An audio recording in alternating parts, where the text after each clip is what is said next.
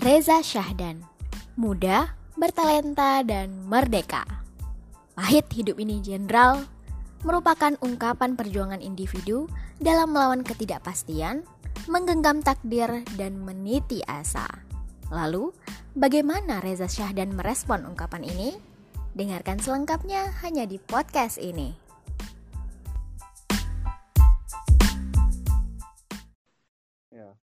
Assalamualaikum warahmatullahi wabarakatuh. Wah, ini Selasa malam gitu ya, bukan malam Minggu. Tolong pemirsa.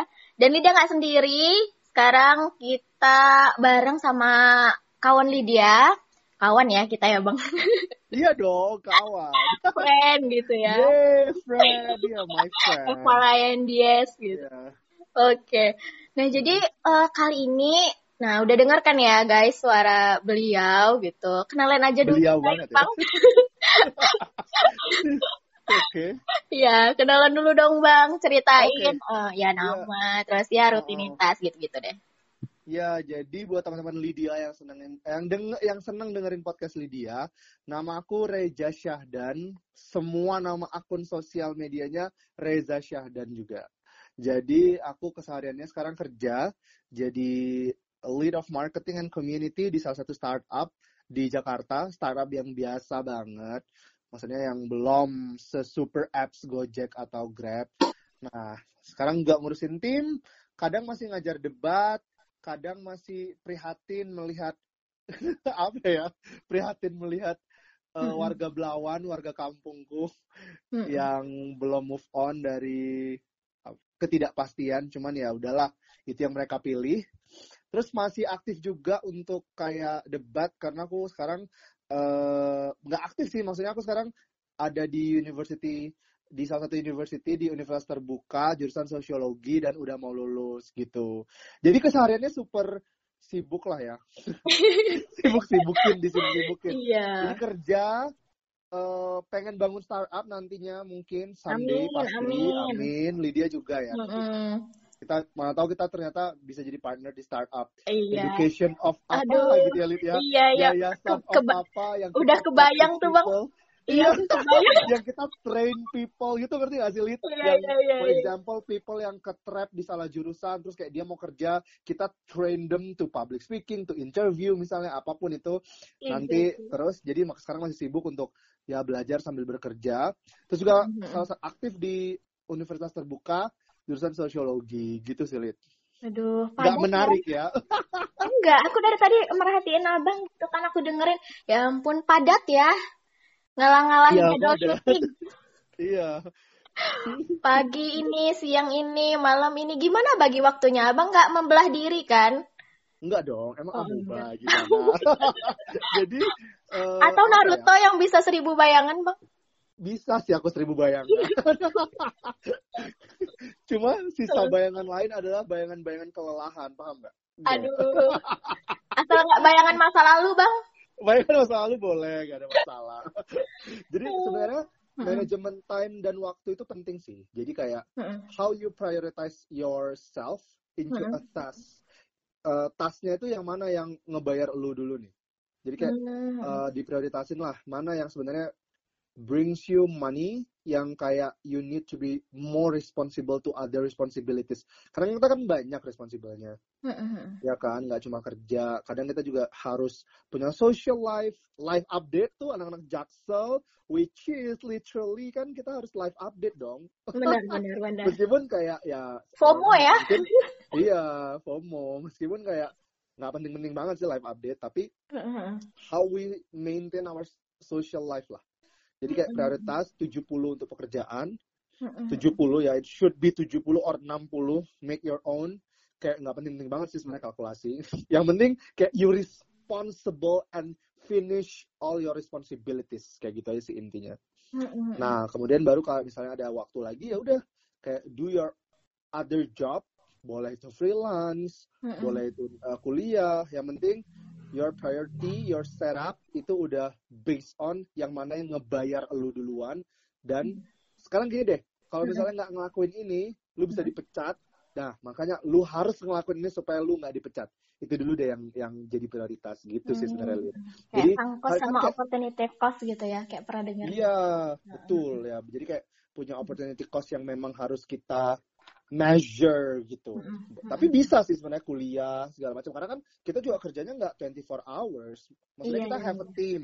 Jadi kayak aku percaya banget Lid kalau pekerjaan itu bisa dilakukan dengan fun dengan mudah when we have a team gitu loh. Jadi kayak we can delegate the works, we can make our own idea. And we can finish the job gitu loh. Oke, oke, oke. Yang penting trustworthy-nya ya, Bang ya. Betul sama tim kita gimana Iya, cara kita julid. membangun mm, tim itu apa Nggak julid. nggak julid ya nggak dong jangan julid dong Kok Jangan julid? ya, Kita Bang, kan ya. tim kita Menarik tuh pas abang bilang kayak mm, lakuin eh, sisa waktunya ini untuk hal-hal yang hal-hal yang mungkin train kita. Kalau nggak salah abang sering olahraga juga ya. yes it's one of my favorite things in life Mm, Ceritain dong bang, ceritain. Karena- kenapa aku jarang sering olahraga karena. I've been in the position when I know health is really expensive Oke. Jadi kesehatan itu amat sangat mahal. Dulu aku pernah hampir mati enggak deh. Maksudnya nggak tahu itu hampir mati atau nggak. Cuma Oh aku ya, oke kayak yang oke. pusing, ngerti nggak sih yang yang pass out Vertigo karena gitu ya? Iya. Hmm. Kok tahu sih vertigo? Iya, Ibu Lida dulu pas hamil Lida katanya sering vertigo gitu bang. Iya. Tapi setelah di analyze ternyata vertigoku itu berasal dari gigi bungsu yang Hmm. emang menyentuh saraf. Jadi emang harus di, dioperasi kan gigi bungsu ya. Tapi Hmm. belum sempet karena pandemi jadi kayak harus ditunda. Tapi next month akan akan dioperasi sih. Nah, Hmm. Jadi I'm trying to kayak nge apa ya ngebuat list of gimana caranya aku nggak sakit. Nah, hmm, hmm. Aku itu bukan orang yang jaga makan kayak smoothie. Smoothies I I love smoothies. Hmm, Tapi kayak bukan yang nggak bisa nggak makan nasi, nggak bisa Hmm. nggak makan junk food, nggak bisa Hmm. nggak makan mie instan. I cannot live that's without. our life, nggak hasil gitu. that's our life kan. Nah makanya I love sport. Nah biasanya aku mainnya badminton. Baru-baru ini aku suka boxing sama Hmm. nge-gym juga. Jadi I already kayak separate my money to invest in sport gitu loh, Lid. Hmm, hmm, hmm, hmm. Nah suka nggak sukanya sebenarnya kadang capek, iya. Cuma seenggaknya seminggu dua kali aku sport. Entah itu renang, entah itu uh, badminton, entah itu boxing gitu.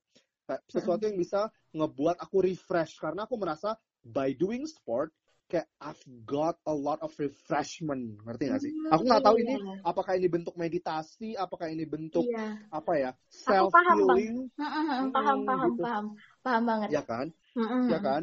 Kadang Hmm. ada yang merasa kayak aku harus baca buku supaya aku dapat self refreshment. Kalau aku Hmm. merasa I'm doing sport dan I've got self refreshment. Meskipun kadang pegel-pegel tapi kayak seneng aja gitu loh. Kayak Kayak yes, bentuk recharging it. gitu ya sih. I- iya bener-bener Heeh, heeh, heeh. gitu. Paham. Gitu aja sih makanya olahraga lah. Lydia Hmm. olahraga nggak? Lydia iya. Eh, Iya. Jadi kemarin itu nyoba kalau lari Lydia belum bisa sih. Jadi lebih seneng jalan gitu, walking aja kan, walking around. Oke. Karena di desa jadi kayak seneng aja sih pagi-pagi gitu kan. Nah cuman Oke. karena karena ada insiden kayak kurang aman gitu kan kalau cewek jalan sendirian di desa apalagi gitu kan. Jadi kayak prefer indoor sih, seling-seling sama indoor gitu bang. Oh baik Jadi- indoor ya. kemarin kayak eh, diajakin eh, yoga yuk gitu kan sama temenku jadi kita lewat zoom bang yoganya I can do yoga tapi nggak ter nggak segitu menariknya kalau yoga nggak tahu kenapa ya. Hmm. kayak itu sweaty enough nggak sih? iya enggak emang karena untuk perbaikan tulang belakang kayak gitu-gitu Oh, jadi gitu. enggak enggak terlalu yang emang enggak terlalu keringat atau gimana sih Oke. Hmm. Tapi I am proud you still do sport. Padahal kan biasanya kayak orang eh, nggak tahu sih Lydia sekarang kurus atau gemuk ya. Saya ideal lah, ideal ya. Hmm. Biasanya nggak akan terlalu suka sport, cuman ya suka-suka aja ternyata ya. Iya, jadi eh kayak abang gitu loh, maksudnya tuh kalau Lida titik baliknya tuh ngerasanya gimana ya? Kayak oh Lida kayaknya nggak bisa gini terus nih, misalnya pulang ngajar terus kayak ya di rumah aja gitu kan, kayaknya asik nih. Kalau dari dulu emang suka suka jogging, suka eh, jalan gitu, cuman nggak kepikiran kalau bisa ngelakuinnya di tempat yang beda gitu, karena beda Oke. kondisi kan terus pas dicoba Iya. oh, ternyata bisa-bisa aja dan kalau misalnya hujan atau emang kurang aman kan ada sekarang banyak sih nggak ada alasan untuk nggak olahraga karena banyak aplikasi ada aplikasi yang bisa kita lakuin workout yang di rumah aja tuh banyak gitu loh Yes, setuju, setuju. Mm-mm. dan Bener.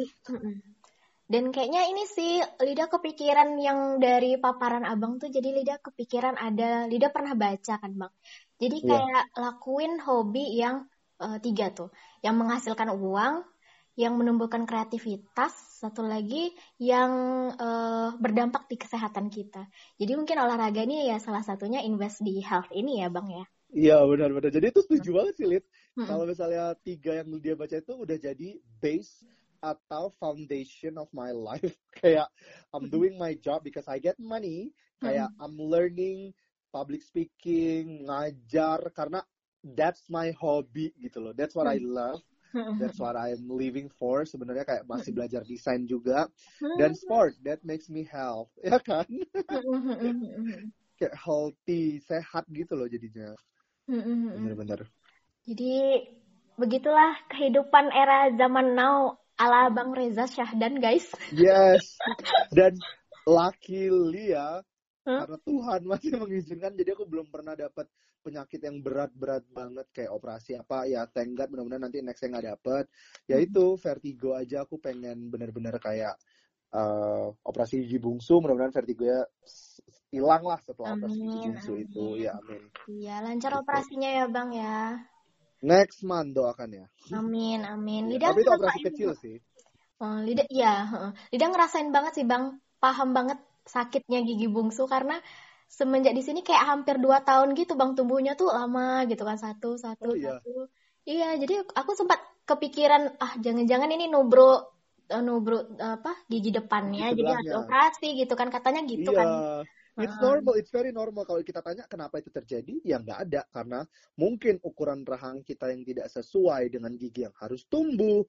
It's Mm-mm. genetic, it's Mm-mm. just caused by accident aja gitu. Nggak, nggak sesuatu yang karena kita, apa kita karena males sikat gigi. Apa karena memang waktu kecil itu harusnya numbuh, tapi kita salah cabut, apa segala macam. Ternyata enggak ya, Lid. Enggak. Dokter tuh bilang juga eh, kita lihat dulu ya sampai tumbuh giginya baru baru kita analisis lagi gitu kata dokter. Iya, bisa betul. langsung dianuin. Dan Iya. berasa berasa lebih dewasa ya setelah gigi bungsu. Iya. iya sih. Iya banget. Tapi anehnya bang, aku tanya sama kawan-kawanku, kan Hmm. mereka nanya gitu kan, kenapa lihat sakit gigi, gigi- tumbuh gigi nih, kok kalian enggak gitu? Mm-mm. enggak, kami enggak katanya. Kenapa? Ya nggak tahu, beda-beda orang mereka- bang iya, beda-beda, ternyata. Iya benar. Ada yang pas gigi bungsunya yang nggak ngerasa bahkan itu tumbuh gitu. Padahal itu memang harus tumbuh ya gigi terakhir kan. Hmm, hmm, hmm. Aduh jadi bicarain gigi ya bang ya. Oke next. Oke, Eh, menarik nih abang tadi pas eh, di awal perkenalan bilang kayak sedikit nyentil tentang belawan dan ceritanya gitu. Bisa diceritain nggak sih bang? Kok tiba-tiba nih kan abang di Jakarta nih ya? Iya. Hmm, hmm. Kalau misalnya Jadi- masih concern gitu ya ke Belawan ya. Iya. Nggak, jadi eh, abang asalnya dari Belawan nih. Iya aku asalnya dari Belawan. Jadi kalau kalian Google Maps Belawan, not many story in any Google kok Google Maps sih. If if you googling Belawan itu nggak banyak story yang bisa kalian eh, lihat di situ. Itu kayak kota kecil yang ada di Medan, masih bagian dari Medan. Kalau misalnya Lydia familiar sama Jakarta Utara, itu mirip sih. Belawan tuh mirip Jakarta Utara. Jadi kayak kota pelabuhannya gitu, Lid. Nah, Kayaknya jadi aku pernah dari ke sana, sana. Oh iya, wow, kok bisa? Naik kapal perangnya itu loh. Kapal perang? Emang ada kapal perang? Kok aku nggak tahu ya? Kayak, it was so long kapal perang. Mungkin ada kapal perang sih, tapi nggak perang-perang banget. Emang Oh, perang? kapal lah pokoknya. Iya kapal, itu, tapi iya, bukan iya. perang gitu. Iya, Jadi berarti. aku berasal dari sana, Mm-mm. SD, SMP, SMA aku di sana, Lid. Hmm. Gitu. The reason kenapa itu aku bahas karena kayak aku pengen ngasih tunjuk ke orang-orang kalau orang kampung yang nggak berasal, maksudnya yang berasal dari tempat yang tidak populer itu sebenarnya kalau sejauh mereka mau berjuang untuk hidup itu mereka bisa merubah hidup gitu loh. Jadi jangan pernah kayak minder satu, jadi kayak langsung you block yourself to not improve gitu loh. Kayak cuma udah aku di belawan-belawan aja karena ya udah mau ngapain lagi aku? Enggak gitu loh. Meskipun aku yakin aku bukan orang pertama orang belawan yang merantau terus dapat kerja. Enggak maksudnya ada ribuan orang mungkin di belawan yang, benar, benar. yang kayak gitu. Cuman apakah mereka bisa jadi role model dan apakah mereka udah berusaha untuk merubah mindset orang-orang di kampungku gitu loh Lid. because I was there. Kayak I have a moral obligation to to enlighten them. Meskipun nggak nggak penting-penting banget sih orang di enlighten ya. Kalau mereka mau berubah berubah aja nggak sih gitu. Cuman aku ngerasa kayak I want to do it gitu. Mm-mm, panggilan jiwa ya bang ya? Panggilan jiwa.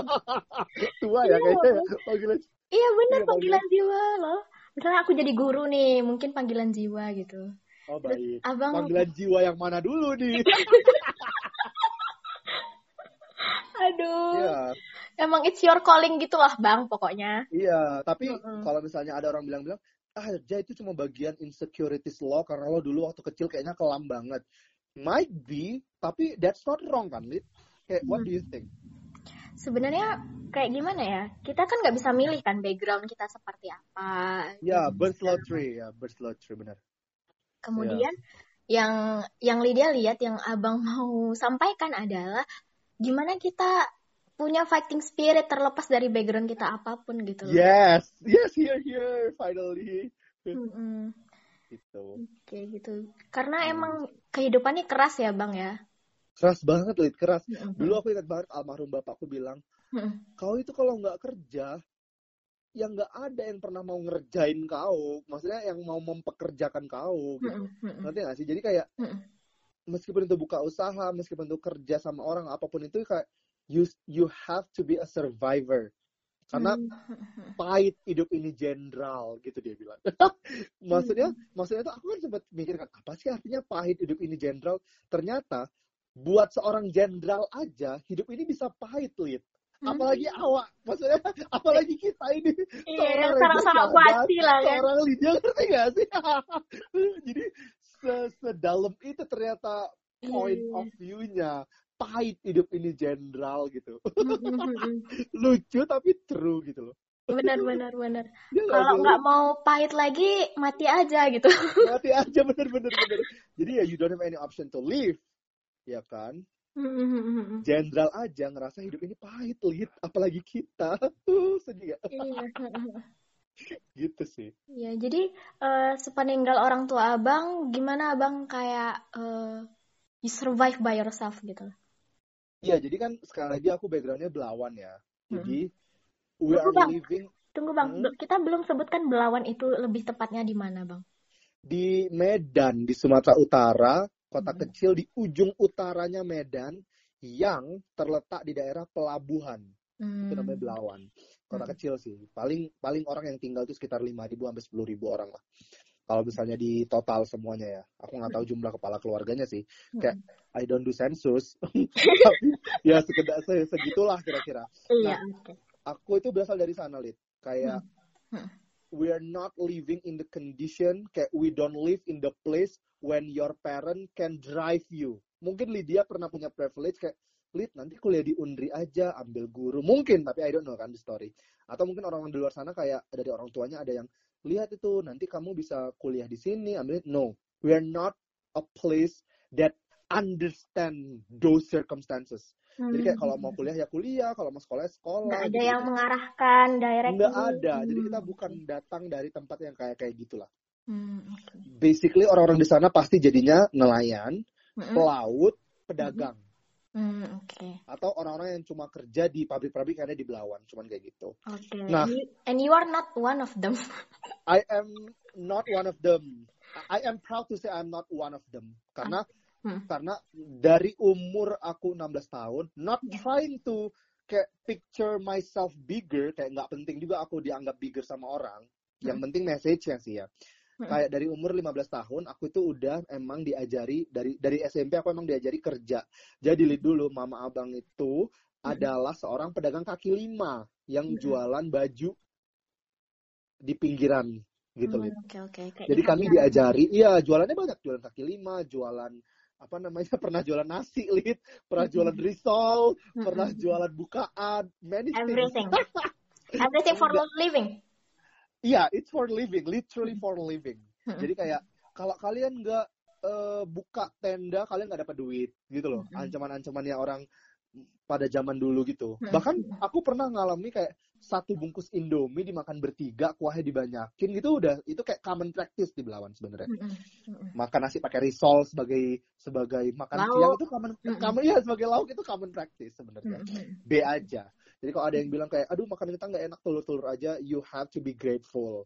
Karena aku dulu lebih parah sebenarnya. Nah sepeninggalan itu aku udah diajari untuk kerja. Jadi luckily ya, waktu aku lulus STM perkapalan, I was SMK Lid. Mm-mm. Makanya Oke. I know your world because I was Oke. there. Mm-mm. Iya, iya. And Aku you are a man. Iya, jadi kayak udah tau lah semuanya gitu kan SMK. Dan akhirnya aku ngajar, eh bukan ngajar sih. Awalnya tuh aku kerja di salah satu eh, perusahaan jadi back office. Jadi ya kayak aku sempat jadi kerja di pembangkit listrik tenaga diesel waktu itu. Jadi Oke. back office. Jadi Hmm. itu udah udah lulus SMA, udah tapi aku masih nganggur sih dua tahun. Jadi aku nganggur bukan Hmm. nganggur sih, maksudnya kerja dulu dua tahun baru kuliah. Nah di masa dua tahun aku kerja itu, Lid, Mm-mm. di situlah bapak nggak ada, kemudian setahun kemudian mama yang nggak ada. Jadi Mm-mm. thank God, meskipun aku tidak diarahkan dengan hidup yang terstruktur dalam artian kayak udah tahu mau kuliah apa, jurusan apa, kerja apa, gajinya berapa, itu jauh banget dari hidup orang-orang Belawan. Nggak ada tuh yang tahu kayak gitu. Jadi aku tuh seenggaknya udah punya skill of life. Mm-mm. Skill of life-nya adalah aku bisa beradaptasi dengan hal-hal yang rumit dan aku bisa udah pernah belajar ikhlas karena udah pernah kehilangan orang tua. Nah, di samping itu kan aku pernah, aku emang jago, aku akui deh waktu aku SMA, aku lumayan merasa kayak, oh my skill ternyata di bidang bahasa, Lid. Mm-mm. Gitu, kayak Lydia juga ngerti gak sih? Kayak kadang ada beberapa iya, part, paham.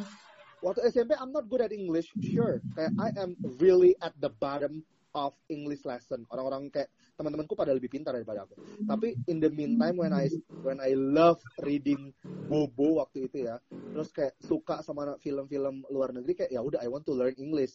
Jadi ya setelah itu nyadar oh ya udah aku tuh resign dari kantorku untuk bisa dapat beasiswa Lid, di Mm. kampus. Jadi hidupku terus berjalan lah semenjak dapat Hmm. beasiswa itu. Jadi aku ngajar, melanjutkan hidup, bayar uang Hmm. kuliah, sampai akhirnya lulus dan bisa ke Jakarta. Gitu sih sebenarnya. Itu kan Iya. kalau maksud tuh gini, aku kalau kalau aku nih ya bang, maksudnya tuh Iya. nggak akan nggak akan pindah ke luar ke luar rumah pokoknya. Kalau misalnya?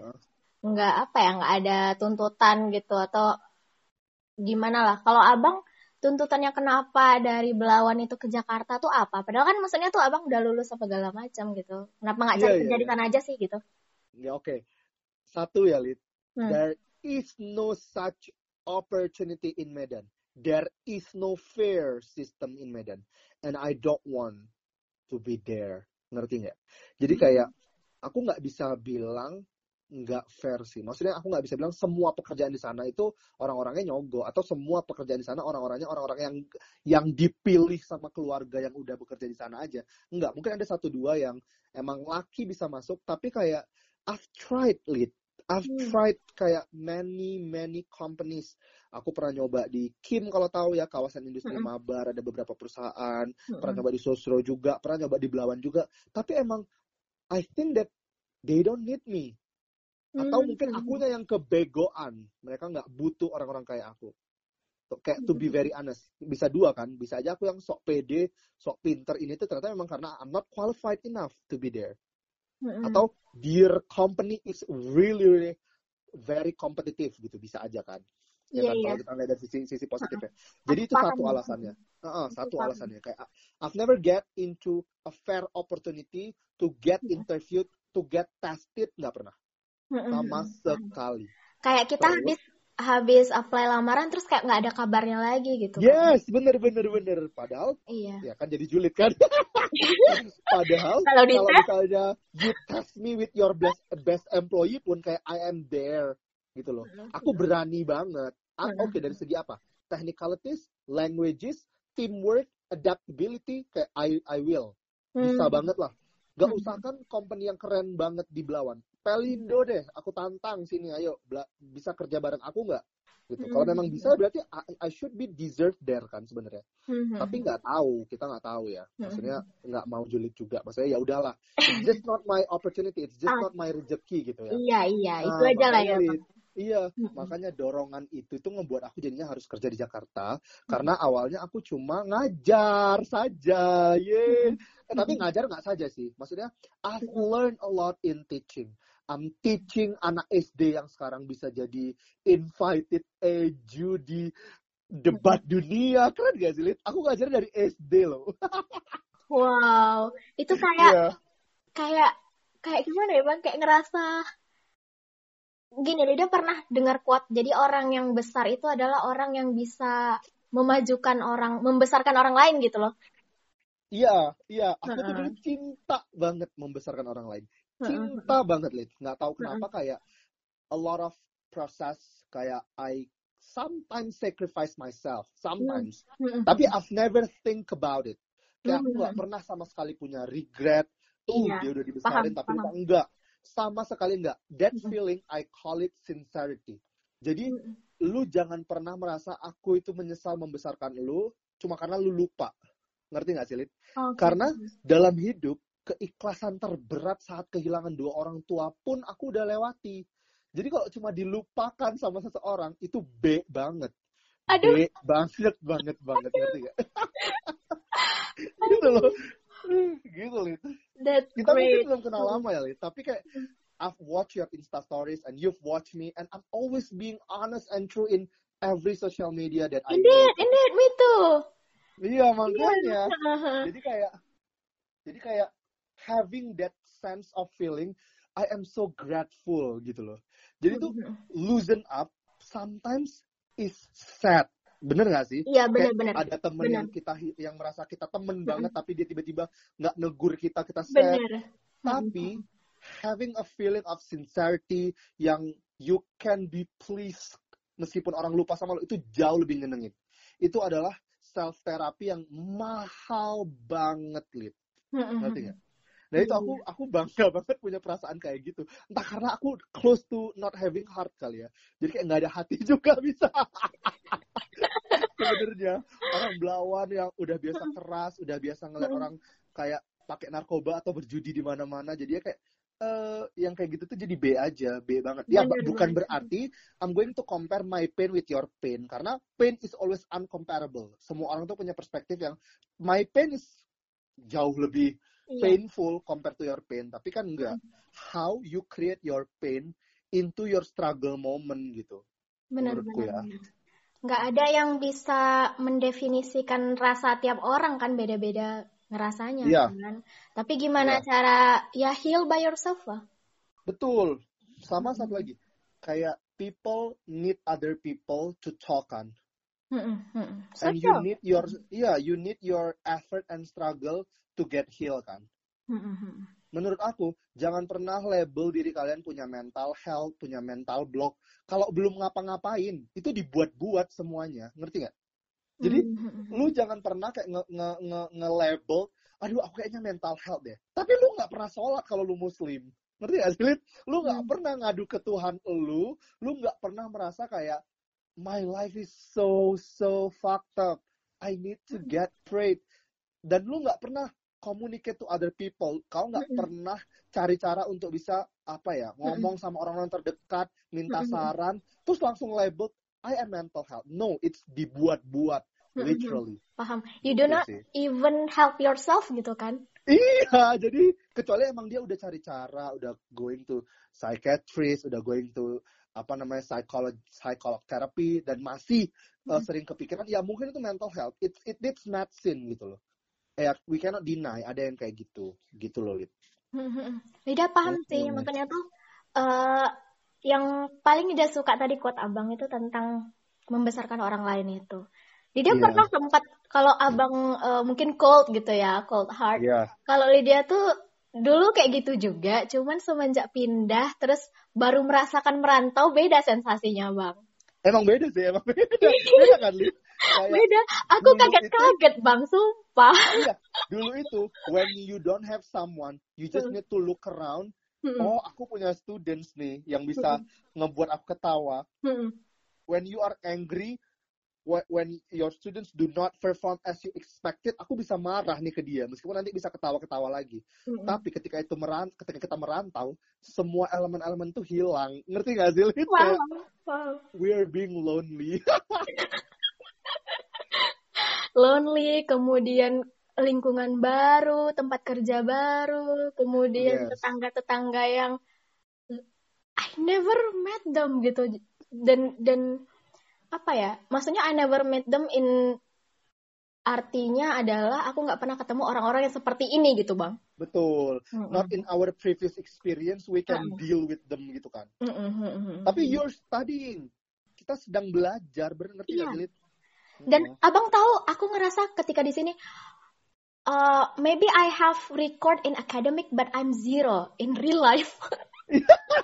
itu bener itu aku ngerasain juga bener waktu dulu 2017 aku pindah ke Jakarta kayak maybe I'm good at debating maybe being judged famous in Medan and Hmm. people writing what I say it's so amazing tapi ternyata I'm not good at working ngerti gak sih Lid? Iya. maybe I am so great Reza Syahdan in Medan like maksudnya ini bukan sekali lagi I'm not trying to bigger myself my my picture myself bigger ya it's depend on you how to see me tapi ternyata setelah kita pindah we are learning we evaluate ourselves Mm, ya nggak sih Lid? Bener-bener. Bahkan ya bang, sesimpel kayak masang gas aja aku nggak tahu li buka YouTube dulu tau nggak? oh wow abang nggak sampai sampai separah itu sih Karena nggak tahu ya kalau di rumah kan, ya maksudnya ada bapak, ada adik laki-laki juga. Jadi kayak I never do that gitu loh. ya, tapi Hal-hal, aku juga Mm. masak di sini sih sama lah iya, maksud Lydia itu juga hal-hal yang kayak gitu yang oh belajar hari tiap hari itu belajar gitu. Yes dan bener-bener. dan perihal tentang membesarkan orang lain dan ketika dilupakan orang lain aku pernah mempertanyakan sama kawan aku gitu kan diskus kayak Iya. saking Iya. itu pahitnya pedihnya di hatiku kan kucurahkanlah ke dia jadi dia bilang gini bang kamu berbuat sama orang lain itu sebenarnya kamu berbuat baik sama diri kamu sendiri dia bilang gitu Uh-uh. kalaupun misalnya eh, dia nggak baik eh, apa ya nggak kembali baik sama kita kebaikan itu nggak balik sama kita kebaikan itu pasti balik ke kita walaupun nggak lewat dia gitu. Yes itu aku juga percaya itu benar Mm-mm. jadi ada in- jadi ada interconnected helps gitu kan. Ngerti gak sih? Meskipun nggak dari dia langsung itu bener banget sih Lid. bener-bener Mm-mm. jadi kayak I I love teaching kayak I love helping sebenarnya dulu waktu zamannya di Medan banyak banget sekarang murid-murid aku yang udah besar-besar banget. Mm. dan mereka masih respect sih sama aku kalau misalnya kayak di. DM masih bales gitu. Mm-mm. and they are so great gitu dibanding aduh Reja Syahdan apa sih lulusan politeknik yang baru mau kuliah lagi di universitas terbuka? Murid-muridku itu lit ya this is not great as well sih. Sebenarnya menurut aku juga B aja. Cuman in a general person mungkin ngelihat HI HI UGM hukum UI itu keren banget kan terus sebenarnya ya udah maksudnya itu it's just a school it's just an academic background. Ya mereka tuh rata-rata kuliah di sana gitu loh. Debatnya keren-keren banget. Mm-mm. gitu loh. Ada yang Dengan- kedokteran usu gitu loh. All Ya, of the privilege. iya gitu. To be very honest. Ada yang dihukum undip gitu. Ada yang dihukum UB juga. Keren lah mereka semua.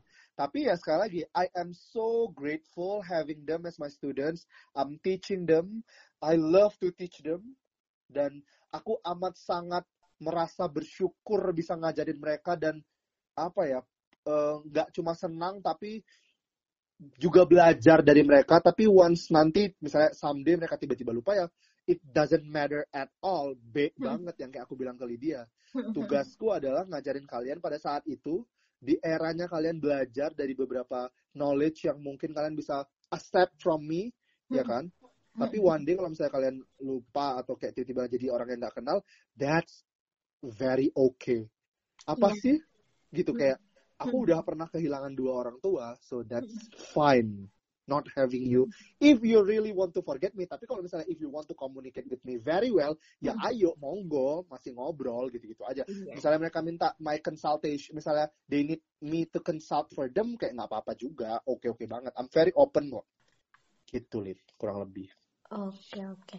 Jadi kita tadi udah cerita tentang kerja, cerita tentang belawan juga, cerita Yes. tentang fighting spirit juga, survive, uh, calling untuk membesarkan uh, orang lain dan segala Yes. macamnya. Thank you Bang. Ada closing statement gak nih sebelum kita tutup Bang? Apa ya?